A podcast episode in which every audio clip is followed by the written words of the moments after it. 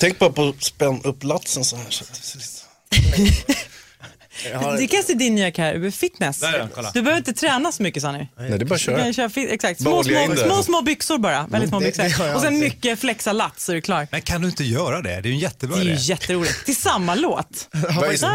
Nej, men gå ut med det när jag har lagt eh, handskarna på hyllan. Ja! Jag kör fit första april. Men vänta, han ska inte sluta ännu. Nej, men jag tänker att han skulle kunna bara säga att han gör det. Jaha, Ja. fast som en kul grej. Ja. Det här är Fighterpodden.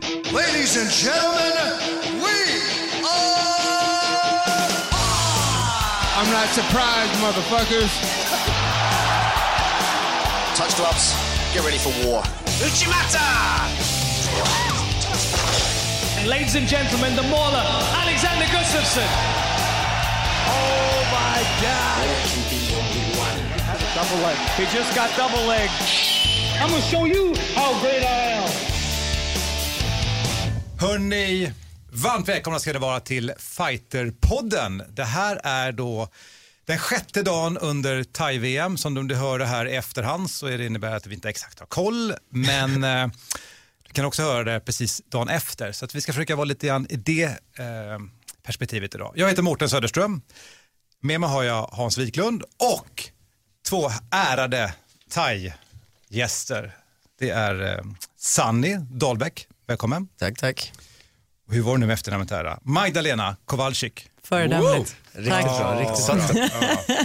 Första. Eh, då noterar jag lite grann här i presentationen eh, Magdalena som eh, är en mycket, har varit framförallt en duktig thaiutövare på den kvinnliga sidan. Som världsmästare i thai 2007. Ja, det stämmer. Kvinnlig så vitt jag vet. Ja. Exakt, kvinnlig. eh, Sveriges andra proffs. Eh, du sitter i styrelsen för Svenska Muay Thai-förbundet. Det stämmer. Eh, Sen har du ju eh, träningspodd också. Ja, just det. Berätta Jag den. pratar eh, i en podd som heter Försvarsmaktens träningsklubb. Jag menar fortfarande att det är viktigt att träna på sig. Sen så har jag inte riktigt fria händer att bara prata om slagsmål utan jag håller det lite bredare. Utan att Men- prata om vapen och krig också. Ja, visst. Eh, nej, jag, jag, jag, jag, ty, jag hävdar att eh, kampsport är ett av de allra, allra bästa, bästa sättet att eh, träna på sig och träna och röra på sig. Men, men folk gillar olika saker. Eh, så man får göra precis som man vill. Men slagsmål är bäst. Och sen är du ju också Athena i Gladiatorerna.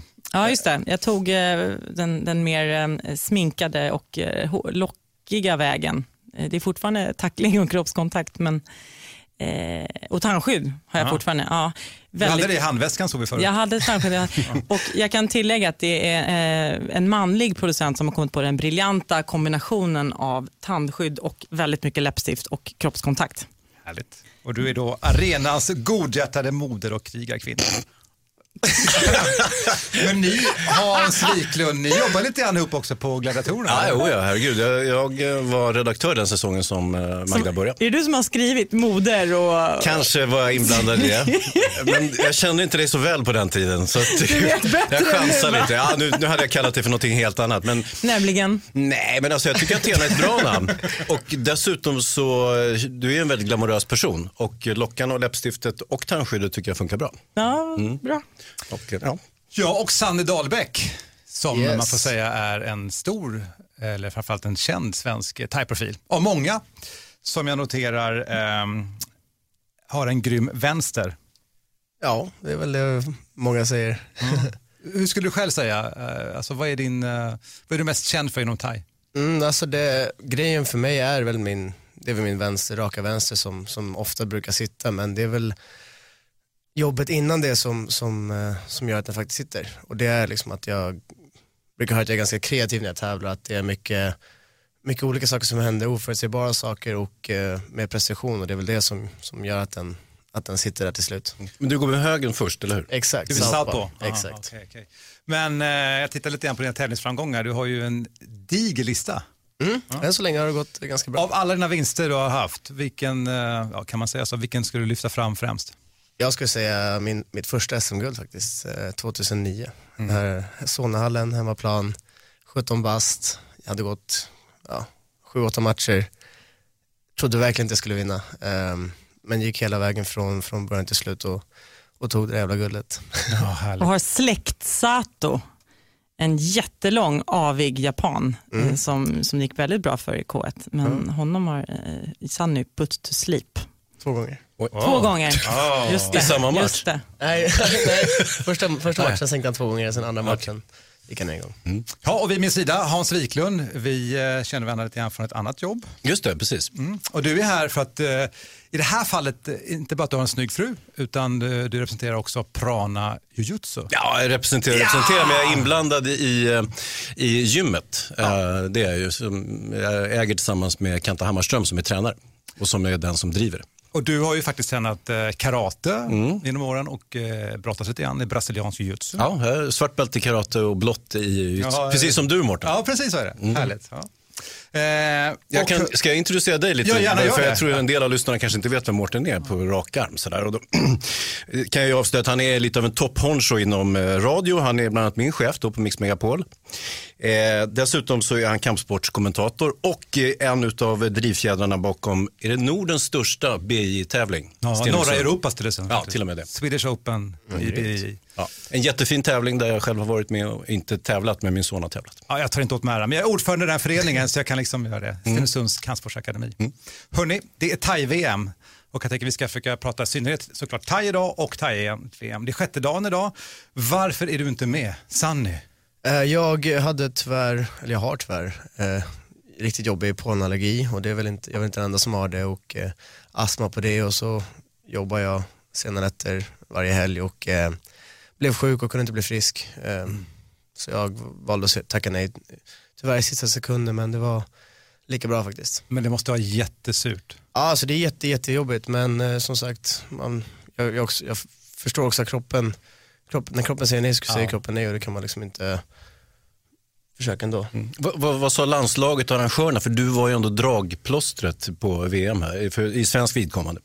Alltså det, det var blandade, eller inte blandade reaktioner, det var, jag, hur ska jag säga det, det är, eh, det är väldigt speciellt för mig för folk, folk tycks ha en bild av mig eh, som fighter och utanför fightingen. Och det, det är på gott och ont, jag lever mitt liv och jag lever livet och, har, och är ung och har kul liksom. Men det, det är många sidor som folk bara ser och som de bara vill se. Och sen så tycker de inte att jag riktigt, ja, tränar eller tävlar som jag, som jag borde göra. Ehm, ja men det, det, det, var svårt att säga nej men samtidigt så visste jag att det var, jag måste ändå tänka på mig själv i slutändan. Och det är, om inte jag är frisk och inte kan gå in och göra ett bra VM så är det, så är det liksom inte, Såklart. Jag tror att det kommer alltid finnas en massa tyckare och hem, i, i Sverige i synnerhet finns det folk som har negativa saker att säga. Jag tycker själv att Sanny är en utmärkt förebild som är en fantastisk atlet som levererar. Sen så hur man lever sitt liv i övrigt, om man har vänner och ett socialt liv, grattis, vad lyxigt att kunna ha den kombinationen.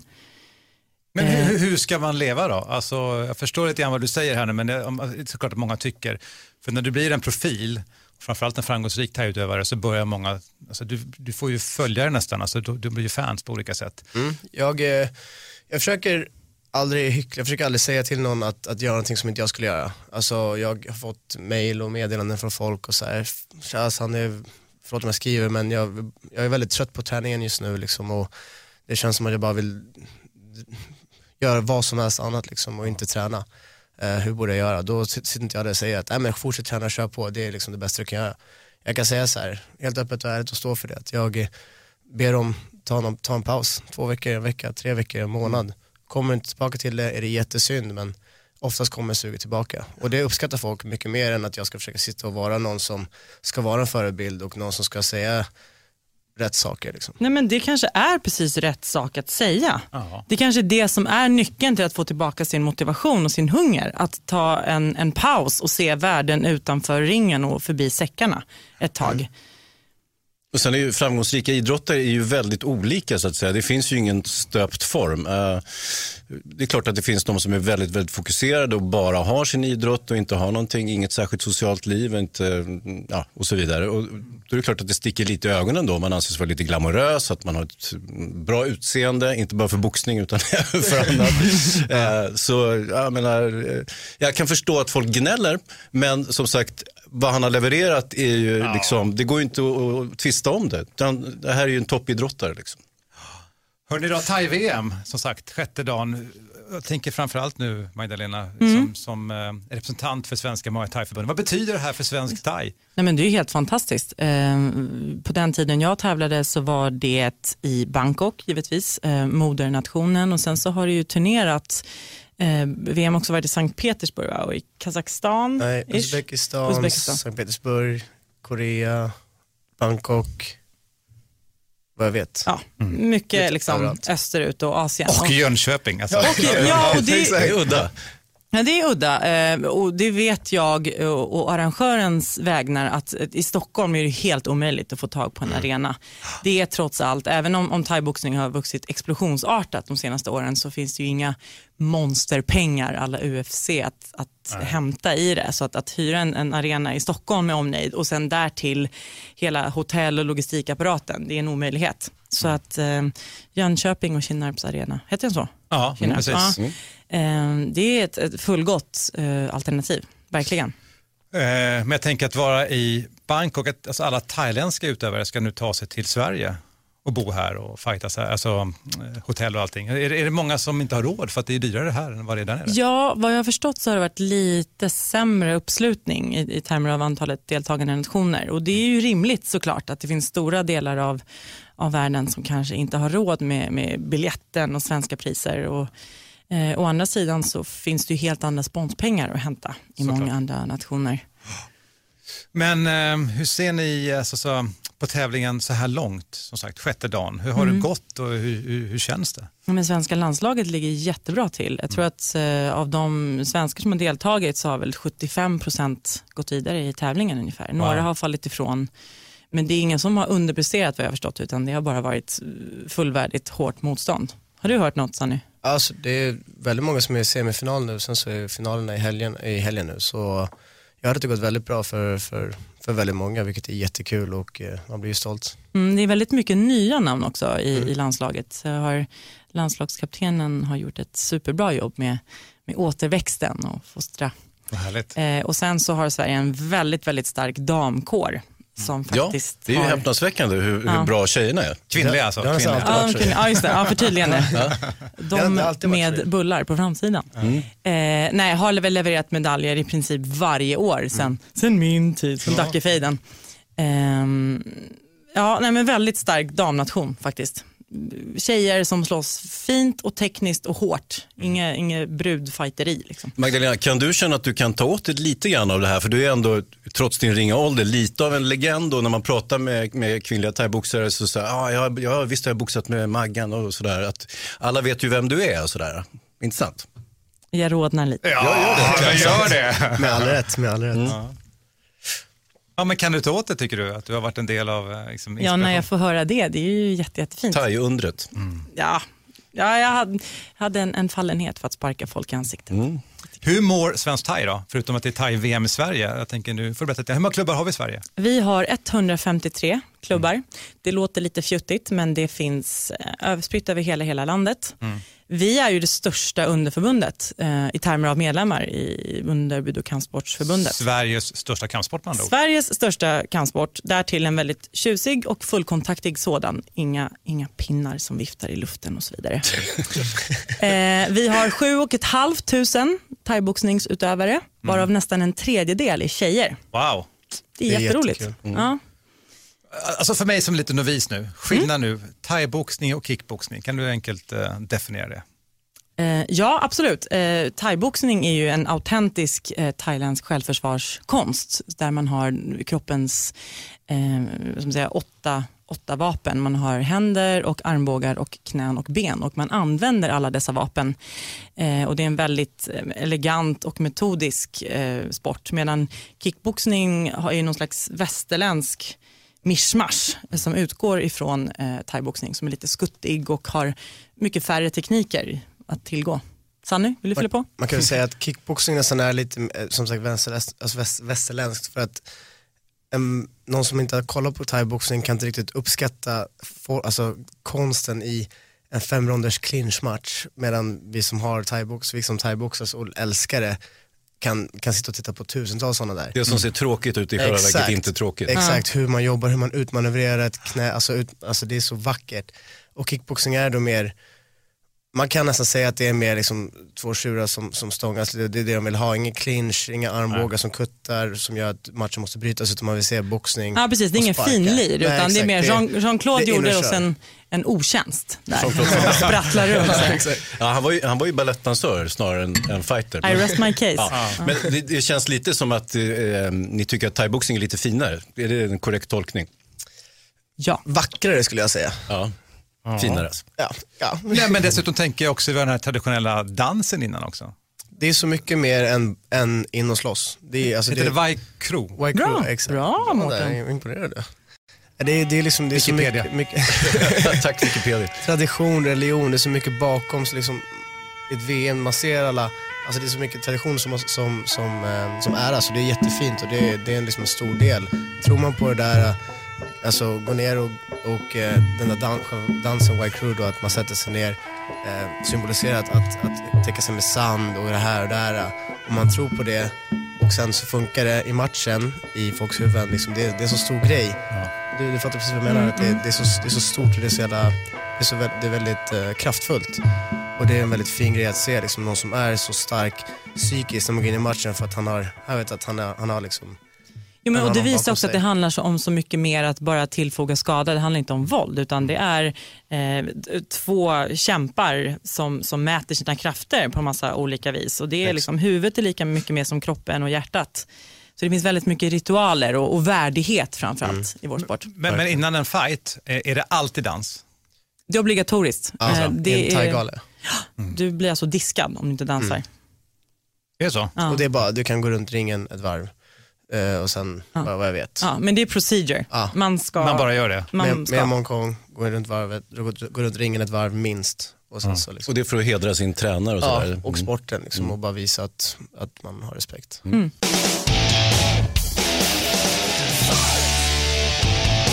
Vi har något som heter det ena eller det andra.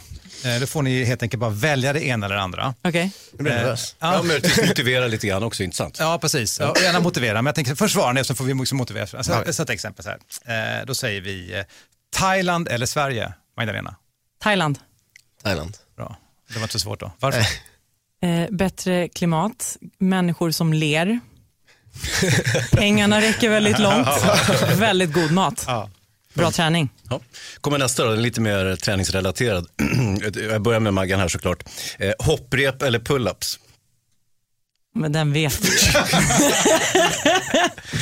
Jag kan avslöja då för lyssnarna att eh, jag och Magdalena har kört rätt mycket pull-ups ihop, alltså chins som en del kallar det. Och, eh, hon har ju en del att lära där, men eh, jag, har gjort mitt bästa. Däremot hopprep så har jag inte mycket att sätta emot, det kan jag säga. Nej, det stämmer. Så det är Sanne? så ett hopp. Hopp, hopprep alla dagar i veckan. Ah, Pull-ups är faktiskt jobbigt. det är meningen. Nej, men grejen är som boxare, eh, man har ingen användning för pull-ups. Det finns ingen anledning att ha eh, kraft och vikt uppåt. Snygg ryggtavla. Ja, men, Förutom det. Hej, kolla på Misse. Födda Han med. har Så- så det, så det Vi räcker. har ju en idé där att du ska gå över till... eh, till, till fitness. Just det. Då är det, en, ja, det är bara övis i båda. I båda delar. Lite mindre byxor i fitness. Mi- mindre än mina byxor i Ännu thaiboxning. mindre än dina byxor. Än de jag Har du har. små det vara mer thaiboxningsbyxor? skinka. Har någon sett mig tävla någon gång? Ja, de är inte jättelånga. Exakt. Den da, dampubliken klagar inte. Är det 70-tals fotbollsshortsen mer eller mindre? De här, Delade på två. ja. Du, Det det finns ena eller det andra. Hörrni, nummer tre då. Eh, low kick eller armbåge? Low kick. Armbåge, 100%. Ah, varför low kick? Eh, jag gillar distans mer. Jag känner mig tryggare ute och har ganska tunga ben. Har alltid haft. Väldigt, väldigt bra. Eh, jag älskar armbågar. Det är eh, en väldigt, väldigt, liksom, det är en farlig situation men man måste vara, när man är bra på det eh, så, så kan man liksom, man kan ändå, vad, ska man säga, man kan ändå man har ändå, liksom, man har ändå koll eh, på att inte han ska armbåga mig, för om jag kan armbåga honom kan han armbåga mig obviously. Men man måste vara den som har liksom, the, overhand, eller the upper hand säger man. Jag har sett dig sänka någon med en spinning elbow. När var det? Det var hovet, eh, Romlots Kings. Ja, fint alltså.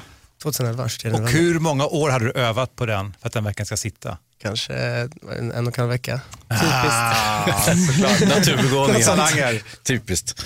Okej, den här Den här har vi tangerat tidigare i resonemanget, men eh, tradition eller modern elitidrott?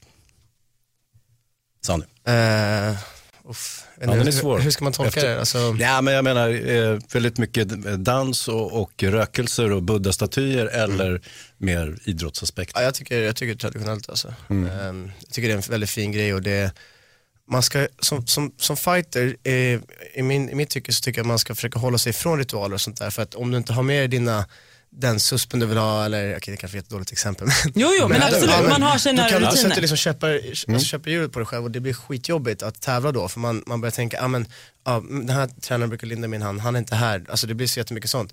Men samtidigt om man, om man kan utnyttja, utnyttja traditioner och, och liksom ritualer till någonting positivt, då kan det bara bli starkare. Och jag tycker det är väldigt fint att se, alltså, som sagt, speciellt när jag tittar på thailändare som, som tävlar speciellt, hur, hur starka de bara ser ut att vara. De kan vara pinsmala men de ser så starka ut och de är så självsäkra för att de vet att ah, det här är mitt. För att liksom de har någon bakom sig. Och Magdalena Rökelsen Nej, där jag hemma. säger för argumentationens skull lite faktiskt, modern vetenskap av den enkla anledningen att till exempel när jag tävlade, jag sprang ju runt en, en, en, en sträcka, där Gärdet, du vet runt Mm. Viken eller Årstaviken och så bara sprang jag här, utan att riktigt veta varför. De sa åt mig ut att springa. Mm. Eh, och, det fanns, och jag hade med kunskap om liksom, intervalllöpning och funktionell styrketräning och hur man ska dieta bäst så kan man faktiskt optimera sina förutsättningar mycket, mycket bättre. Vilket jag eh, blev varse att liksom, de teamen från de rika nationerna där USAs landslag till exempel hade vet, dietist, hade fystränare, hade chef i upplägg. Då har man så mycket mer gratis. Jag förstår precis. Ja. När ni, när, det är så kul när ni pratar här, jag ser på er båda två så här, liksom när ni nickar, ni ser på thaiboxningen på- precis på samma sätt, fast Alltså jag förstår ju precis vad hon menar när, när hon förklarar det här och det, jag håller med. Ehm, och, s- och så det, det är liksom, det är ju, man kan ju nästan säga att det tyvärr är så att de som har de bättre förutsättningarna liksom har, har bättre förutsättningar obviously. men samtidigt så, för mig är det så här, i match så, tro, så för mig är det så, om mitt, om mitt hjärta är starkare än, än min motståndare som har, som har de här äh, redskapen och allting, om jag är starkare liksom inuti mig själv och inte haft det där, allt det här, då, då kan jag ändå liksom ta över, förstår du? ja.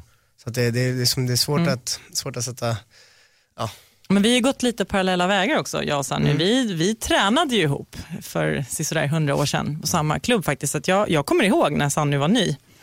Gud, nu hör man vilken gammeltacka jag är. Det där var på slagskeppet eller? Ja, ja just det. 2006, 2007 tror jag. Ja, det är tio år sedan, det är Ja, då var ingenting. jag- Då var du 19, vad fan, det är väl ingenting. Ungefär. Gud, vad du är bra på matte. eh, nej, och jag, nej, och vi är lite samma så här, på något vis. Jag kan identifiera Mm. mig med dig. Sen så är det så här, Sanny är super, super skillad.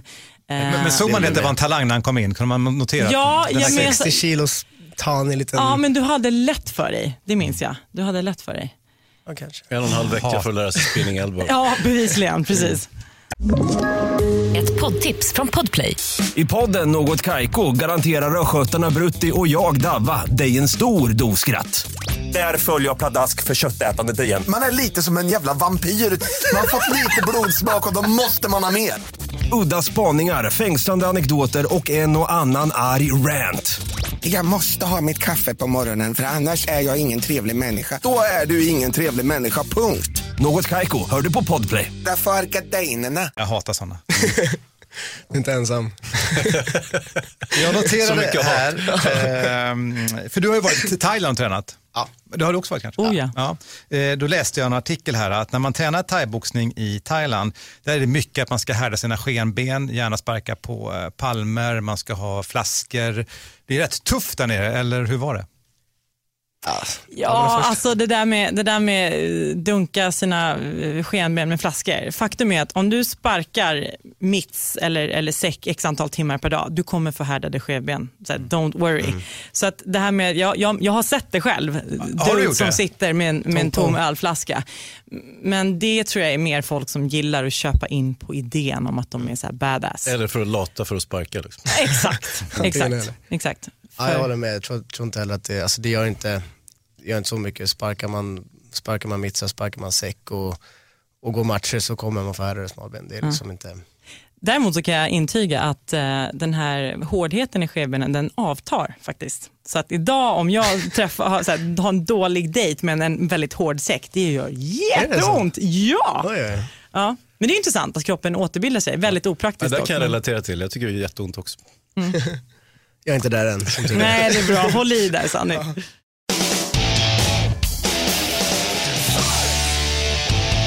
Om du tänker tillbaka när du började, när ni båda började Räcken, för tio år sedan och idag. Kan man se några trender inom thaiboxning? Jag ska bara referera till utifrån BJ kan man se som den har evolverat enormt, alltså från när den kom och där den är idag på olika sätt. Hur, hur har thaiboxningen utvecklats? Jag ska säga, det, går, det går upp och ner hela tiden. Det, det har blivit mycket, mycket populärare att, att faktiskt träna thaiboxning eller kampsport överhuvudtaget. Mm. Eh, Det är väldigt kul att se för det har liksom kampsport har alltid haft en, ett väldigt dåligt rykte om att det ska vara, man ska vara den här personen eller den, det ska ha kriminellt förflutet eller vad fan som helst. Alltså, man har liksom haft en förutfattad mening om hur en kampsport ser ut. Alltså, och eh, med, med, alltså med, med Magda och med alla som, som tävlar, har tävlat och liksom dragit upp thaiboxning i Sverige och, och mig också, du vet att då har folk fattat att ah, man behöver inte vara en idiot för att faktiskt, Nej. för att faktiskt tycka att det här är kul och tycka att det är bra träning och det är samma med, med BJ och alltså all, all kampsport. Liksom. Ja, på den tiden som, här, när jag tävlade på Hovet på Rumble, då var, då var löpsedlarna så här, prins Carl Philip går på dödsgala och, och Bosse Ringholm härjade och det var sånt himla rabalder och det var våld och hemskt. Och idag så är, är våra kampsportare liksom hushållsnamn, eh, säljer, säljer galor på stora arenor och, och eh, jag träffar liksom mammor till små barn som vill sätta sina kids i någon slags slagsmålsträning. Det, så att det har blivit otroligt mycket mer folkligt, vilket är jätteglädjande. Och det är jätteuppskattat alltså. Det är Ja. bara, man ser på, på, på, på mitt gym, där är det så här, om, om man märker att någon kommer ner första gången, så här, ah, men jag har provat boxning en gång och då var jag tvungen att sparras med tränaren och det var inget kul. Och så tänkte jag, vad, i, vad, vad, höll, på, vad håller, håller, håller folk på med? Men det är klart att du kommer ner och testa, prova på en gång, du ska inte vara rädd för det. Liksom 2-3% av alla som håller på med den här sporten tävlar. Exakt. 98% Ja. tränar bara för att det är sjukt bra träning. Jaha, men det visste inte jag. Så kommer de och så älskar de det och så blir de en stor del av gymmet och bara asroligt. Så det är någonting väldigt fint med klubbkulturen också i, i, i thaiboxning. Att, ehm, efter, just eftersom man är väldigt, ehm, det är kontakt, man slår lite på varandra och det kan göra lite ont. Men det gör också att det är väldigt förbrödrande, man blir väldigt så här, hej och tjena med varandra. Ja. Till skillnad från random sats eller någonting där man är helt anonym. man kommer man går. Liksom. Ja, så att du får en helt annan social dimension också som är väldigt fin. Men det är väl det som kanske är charmen också över kontaktsport. Jag kan även se det i, i- ja, i brassejutsun, alltså framförallt när killar och tjejer, alltså killar och tjejer tränar ihop. Liksom. Och du har aldrig tränat förut, du är tjej och så ska du, eller tvärtom, du ska in i någons gard. Alltså, det är inte jättebekvämt för alla Det, det är lite läskigt men Ja, så har man testat så är det ju. Det är en hög tröskel in så att säga, sätta på sig en pyjamas och, och ligga i ansiktet på någon. Ja. Liksom. Det, ja. Jo, men eh, absolut. Det är den, men det är den första första gången. Sen så märker du så här, det, som sexualitet har ingen, ingen som helst utrymme i det här forumet. Utan man är atleter som tränar och man, man bjuder varandra och så här, könet är helt relevant. Eh, vilket är väldigt fint. M- mänskligt och väldigt direkt. Hur- mycket tror ni att MMA har påverkat att kampsport har eh, växt? det går ju inte att frångå att UFCs eh, framfart har såklart påverkat. Ehm, jag vet inte, du får rätta mig om jag har fel Sanne, men jag inbillar mig också att um, thaiboxare idag faktiskt använder sina händer lite mer. Tidigare så i, så här, i traditionell thaiboxning så är det ju sparkar som är meriterande och poänggivande och händer har man mest använt för att liksom störa. Eh, men idag så känns det som att i och med MMA som är sånt komplett regelverk, där alla träffar ska vara eh, färgande, så tror jag även thaiboxare har tagit inspiration av det. Vad tror du? Ja, ehm, jag, ska- jag, ska säga, jag, jag ska säga att jag tror att det kommer mer från, från eh, kickboxing eller K1 som, som har varit. Alltså, Yes, för ja, de, det de var är ju så stor förut och då var det så här, då märkte man att Varenda träff räknas. Ja, exakt. Och när Boakau kom in, eh, som är en, en legend Ja. inom K1 och, och, och thai, han, när han kom in så var det ju, det var ju mycket sparkar från honom och, och frontkicks och sånt där. Men han hade ändå händerna, han kunde ändå försvara sig med händerna och kunde ändå slå. Och det är just den grejen som har sett att så här, folk har sett att det inte riktigt har, det har inte varit så förut. Nej, och eh, han, Ramon Decker som, som knockade många stora thailändare, liksom nästan alla. Eh, det, det har gjort liksom att det har blivit mer, alltså att K1 har blivit en större grej, att holländsk, eh, alltså Dutch kickboxing, att den stilen har blivit så, så populär att boxningen liksom ofta kan utmanövrera sparkar. Ja, just det, jag glömde K1. Det var ju hur Så, stort som så där har vi utvecklingen i thaiboxning då, om det har så att säga, skett någonting. Ja, om, jag, om jag fortsätter på Mårtens MMA-spår där. Finns det någon tendens att talangen nu börjar välja MMA istället för thaiboxning? Även om thaiboxning som Mag- Magdalena säger är snabbast växande, den största eh, mm, kampsporten och så vidare. Eh, så tittar man på en del talanger som nu börjar liksom, gå över till MMA. Ja, och jag tror att framförallt så är det fler och fler som börjar direkt i MMA idag. Eh, sen så vet jag inte riktigt, jag tror att de har ett visst problem i att tävla i MMA som amatör. Eftersom det är en avslutssport. Antingen eh, på knock eller på ledlås eller bryt. Så att, ehm, jag tror de har en liten hinder där. Men ehm, visst, fler och fler vill bli liksom allround och kompletta från början. Men jag tänker också kanske prispengar, att alltså kunna leva på sin sport. Menar, det måste ju vara tufft. Där kan jag, där kan jag gå in och, och som aktiv och akt, aktiv på den högsta nivån i världen inom thaiboxning så kan jag tjäna jättedåligt. Ja, det är bedrövligt, det, alltså. ja. Ja. det, Jag ser ingen klocka ens. Nej, exakt. Rest my case. Nej, men det är så, det är, jag vet ju det och det har alltid varit så, men, eller inte alltid, det, det var ju lite pengar i kodet och sådär, sen så konkade det och det har gått upp och ner i galor. Vissa galor har, vissa galor har haft jättemycket i prispengar på en åttamannaturnering, men då måste du vinna den turneringen också, annars får du nästan ingenting. Så det, och jag har liksom börjat, jag, eller jag ska inte säga att jag börjat tänka, jag, bara, tankarna vandrar iväg ibland och tänker man så här, tänk du vet, en vanlig, ja, alltså, jag hörde en amatör MMA-match får du minst 5000 för, det är liksom en av dina första matcher. Du kan gå 20 matcher inom thaiboxning så får du ju fortfarande ingenting och sen så när du går din första proffsmatch kanske får du en femma eller en tia. Alltså, Ja. det, det är jättejobbigt och jättesynd men jag ser liksom jättemånga duktiga vänner som, alltså, som är i Holland, överallt i världen och tävlar.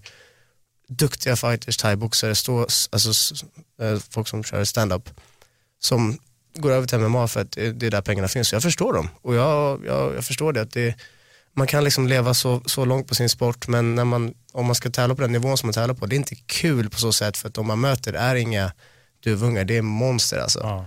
Och Ja men alltså precis, det. som i sitt land har allting förspänt. Så de, de behöver bara foka på att träna medan Sanny måste jobba för sitt levande samtidigt. Så man har verkligen olika förutsättningar. Är, det, är det här en förbundsfråga? Eh, nej, nej, det ska jag inte säga. nej. Det är, det är Det- inte, eh. Men att alltså, attrahera sponsorer och liksom försöka få sporten... Jag vill säga att det är en marknadsmekanismfråga. Mm. Jag har å förbundets vägnar jagat sponsorer till, till landslaget specifikt, Mm. som ändå är det, så här, det främsta vi har att visa upp. Och i Sverige samtidigt nu, alltså jag tänker Jönköping nu Eh, precis, VM. i Sverige. Eh, och där, det är liksom inga belopp att tala om. För ändå främsta exponeringen och de främsta fighters. Var, var finns pengarna i kampsport? då? Är det att driva klubb och, och göra den typen av saker mer än att satsa på sin egen elitidrott? I, i, Sverige, I Sverige måste du ha någonting vid sidan om. Mm. Alltså det, det finns i- väldigt, väldigt få som jag vet som liksom har kunnat lyckas på, sin- på thaiboxning men det har, inte varit, det har inte varit mycket pengar så men man måste ha någonting vid sidan om och jag tänker alltid i olika banor, vad ska, ska jag göra här, ska jag göra det där, ska jag göra det här, ska jag göra det där och det, det är jättesvårt men ehm, ja, jag måste väl bara hitta på någonting. Men har du funderat på att eh, köra MMA? Jag har tänkt på det att det ska vara kul att gå en MMA-match. Eh, jag tror att jag skulle kunna bli bra på det. Eh, börja rulla. Skulle, skulle vara roligt. Liksom, Men det finns ju några väldigt duktiga thaiboxare. Tänk på Teimurbröderna Ja. eller Hamza. Ja, de har gått, och Hamza ska gå, gå sin första MMA. Precis, ja. som är superskillade. Eller Sadebo. Ja, Sadie Och Sadebo. nu lördags också. Ja. Ja, eh, som, och så länge de egentligen kan hålla det stående så är de ju helt överlägsna. Sen så bara man lär sig liksom lite nedtagningsförsvar och Exakt. basics så tror jag att de kommer vara överlägsna ganska bra tag. Ja, det finns ju en del galor. Vi hade ju en, en vi träffades faktiskt så länge sedan, Mm. Heroes, de var kombinerad MMA-gala och liksom thai. Exakt. Eh, och det har en attraktionskraft för att du drar publik, alltså du får både och. Eh, och då kan man så att dra liksom, draghjälp av varandra. Mm. Eh, är det en, alltså, lite grann har det där dött, det finns liksom inte kvar riktigt att du har den kombinationen. Eh, Jag tror, åh, det här är verkligen inte mitt bord i förbundshänseende, men det är lite en sanktionsfråga också. Vad- För att vi har ju tillstånd från Länsstyrelsen för att or- organisera galor. Och då finns det en massa regleringar i allt ifrån så här, hur en ring ska vara byggd till säkerhet, till läkarkontroller och bla bla bla. Vilket blir då knepigt när man har För blandregler. det är inte samma system för thai och för Nej, MMA. Nej. precis. Båda, förbunden måste vara där och allting måste vara godkänt från båda. Bla, bla, bla. Och sen är väl det här att, man, att ha MMA i en ring eh, är förenat förenat med dels med risker, att man trillar ut och slår ihjäl sig liksom, och, och det blir lite konstigt. Fast det finns en motpol, jag satt och kollade på nätet. John Wayne Parr, vet du vad det är? Jag har hört namnet. Australiensare. Han kör ju, eller försöker. Cage Muay Thai. Cage, Ja. exakt, Cage Muay Thai. Där har ni det ju, va? Livs- det, det låter livsfarligt alltså. Jag vet att Olle Larsen har ju Ja, legacy jag vet, uppe, ja. där har de en bur också. Ja. Ehm, ja, nej, där, jag måste nog eh, titta tillbaka på traditionen. Tradition. Jag tycker Mm, Saker och ting ska vara som de Traditionen.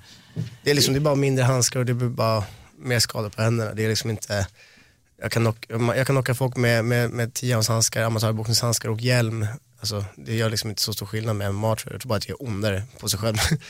Vad jag vet. Sanny är rädd för att det ska göra ont. Exakt. Exakt. Hatar smärta.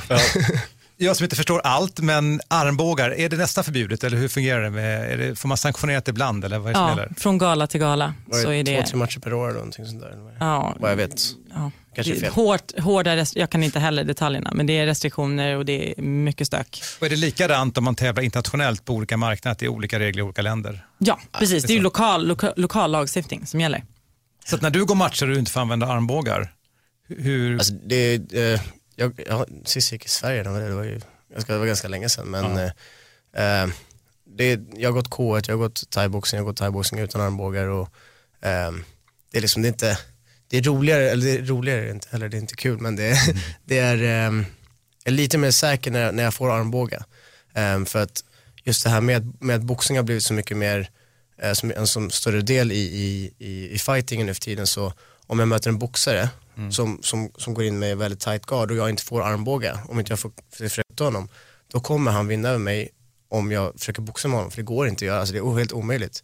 Ska jag så sparka, ja det kan jag göra, men han kommer försöka gå igenom mig också.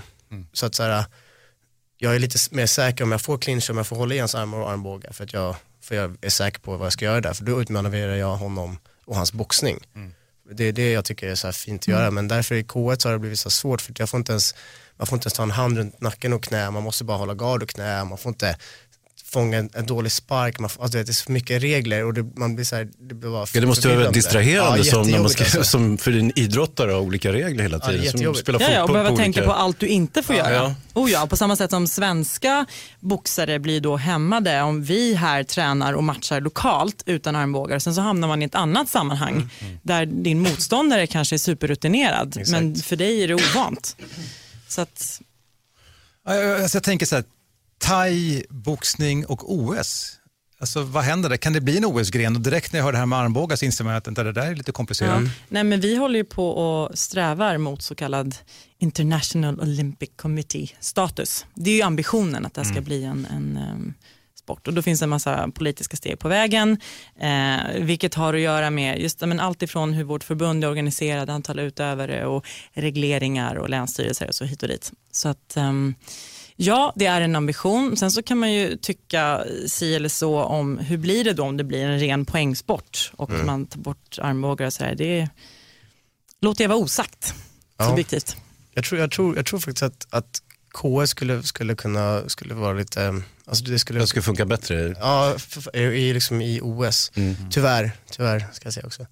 Um, Thaiboxning OS skulle vara helt sinnessjukt. Ehm, men det, det är svårt som, som Magda säger. Men det är väl alltså en jätteutmaning att komma in där. Oh ja. Det är många, Ja. alltså, det är många idrotter som vill in.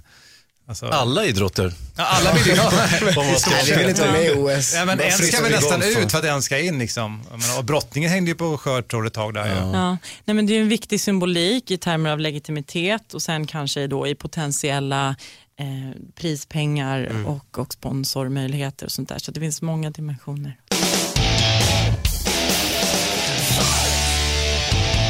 Hur är det med utbyte i Sverige mellan klubbar? Hur ser man på det och hur är det? Är det, är det som jag vet i andra kampsporter kan det vara så att det gör man inte.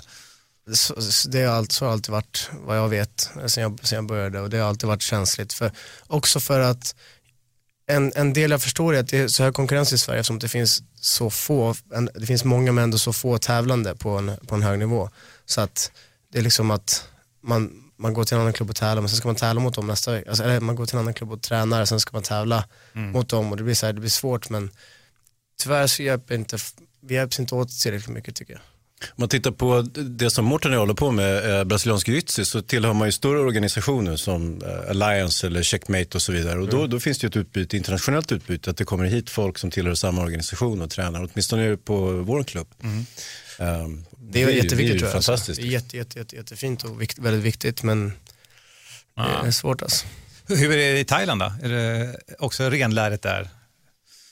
Jag ska jag säga, I Thailand så finns det ju så många och det finns ju så många bra så att, självklart kan ibland kan eh, de kan utbyta sparring och grejer men ofta händer det inte, för det behövs inte på samma sätt. Men de matchar ju så ofta Ja. också. Ja, de tävlar så mycket liksom och det, det är en gammal Lumpini champion som sitter där och håller mittsar som ändå kan spöa en, den regerande Lumpini champion. Du vet, så det är så här, alla är så rutinerade och, så, och, och, och har så mycket erfarenhet så att alla hjälper varandra på ett väldigt bra sätt.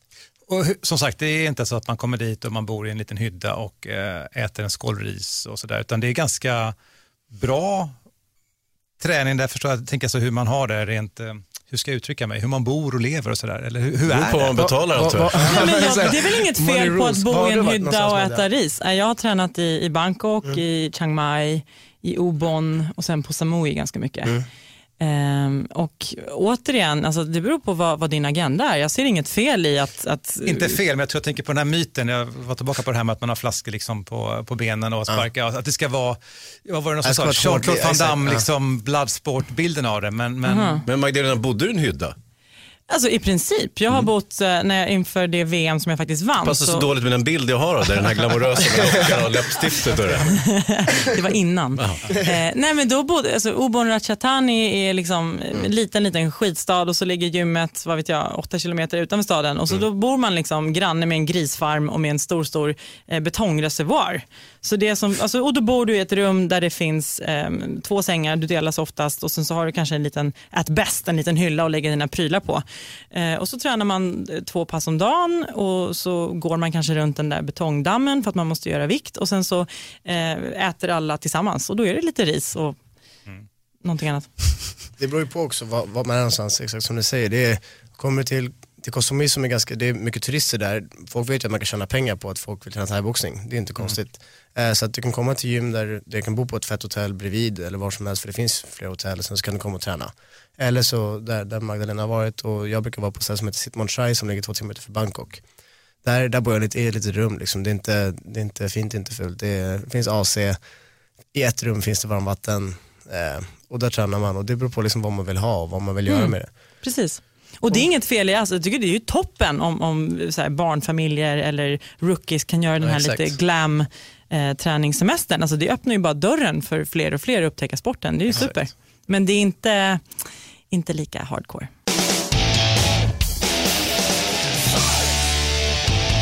Hörde, det här var trevligt. Ska vi summera lite grann då? Som Ja. sagt, eh, thai-VM i Sverige, uppenbarligen så mår ju svensk thaiboxning väldigt bra. Det är den största svenska kampsporten.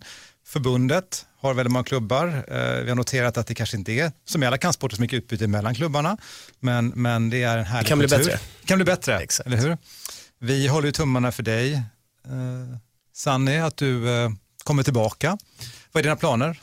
Eh, nu i sommar ska jag faktiskt eh, fokusera lite mer på, på att bygga upp någonting så, så jag kan jobba med det jag älskar och det jag vill göra. Mm. Så inte jag sitter där när jag är, jag är äldre och jag ska inte säga några, några åldrar. Men när jag sitter Bra att du tittade runt omkring här på mig och Hans. Ja, fan var det där? Nej men och så att, fan vad, tänk om jag hade kunnat göra, alltså, utveckla min fulla Men potential. du ska jobba med din klubb och försöka... Exakt Mm. och försöka bygga någonting vid, vid sidan om tävlingen så, jag kan, så jag kan jobba med det här faktiskt. Men du kommer börja tävla igen, det din plan. Självklart, självklart, 100%. Men det här med att du skulle börja köra fitness istället, det var bara tomt prat. Jag får, jag får fortsätta övertala Det mig. var Magdalena. Det var Magdalena som skulle göra det. Ja, Ja, ja. exakt. Ja. Kan börja tillsammans. Eh, vad är det närmaste för dig eh, i eh, styrelsen för Svenska Muay Thai-förbundet i ditt arbete?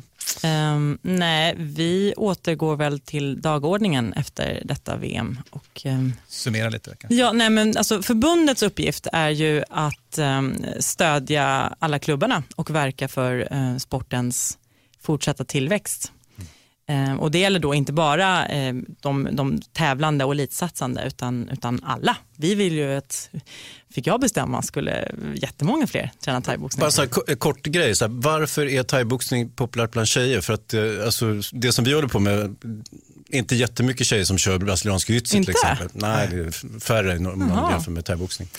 Vad, är- vad, är, det- Eh. vad är det som gör att det finns en appeal där? Liksom? Om jag får gissa eh, så är det, det finns något väldigt stilrent och precis i, i thaiboxning. Alltså med, med sparkar och eh, slag och väldigt allround. Och det, man behöver en, en kropp som är jag vet inte, smidig och stark och man behöver en, en, ett intellekt med sig samtidigt. Typiskt kvinnligt menar du? Du sa det brorsan.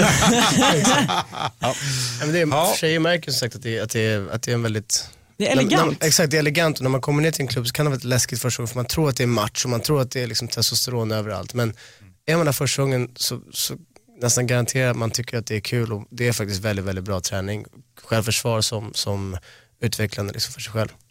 Och du tar emot också, eller hur? Eh, patienter, privatlektioner. Ja det är det. Är. Jag har några stycken som jag kör, jag vill inte köra för många så jag har några stycken som jag vill se, liksom, vill se, vill se utveckling på. Jag vill inte, vill inte göra det bara för att tjäna pengar. Det är kul att faktiskt se, se utveckling på, på, på elever. Så, så även en motionär kan du känna att så här, men det här är intressant att se hur bra han kan bli, eller? Självklart, alltså jag, kan, jag, jag har haft folk, jag tycker det roligaste är folk som har tränat ett tag, som har lärt sig en grej och så kan man göra små, små, små förändringar, det blir millimeter, alltså bara ställa ut foten lite mer och så, du ska få se nu liksom, så bara, ah, vad är det här? Så slår de och bara, "Sh, vilken skillnad. Och så fattar det här logiska i hur rörelsen är, inte bara slå så för att det är bättre utan du förstår faktiskt rörelsen. Och det, det uppskattar jag väldigt mycket. Tack Sanni Dahlbäck. Tack så mycket. Magdalena Kowalczyk. Varsågod. Ja. Hans Wiklund. Ja, verkligen. Tack detsamma. Tack för att ni hade oss här. Fighterpodden tackar för idag och eh, vi hörs och ses snart igen. Tack för idag. Hej. Hej, Hej.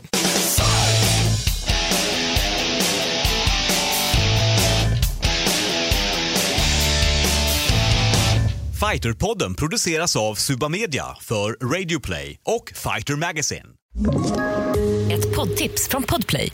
I podden Något Kaiko garanterar östgötarna Brutti och jag, Davva, dig en stor dos skratt. Där följer jag pladask för köttätandet igen. Man är lite som en jävla vampyr. Man har fått lite blodsmak och då måste man ha mer. Udda spaningar, fängslande anekdoter och en och annan arg rant. Jag måste ha mitt kaffe på morgonen för annars är jag ingen trevlig människa. Då är du ingen trevlig människa, punkt. Något Kaiko, hör du på Podplay. Därför är gardinerna.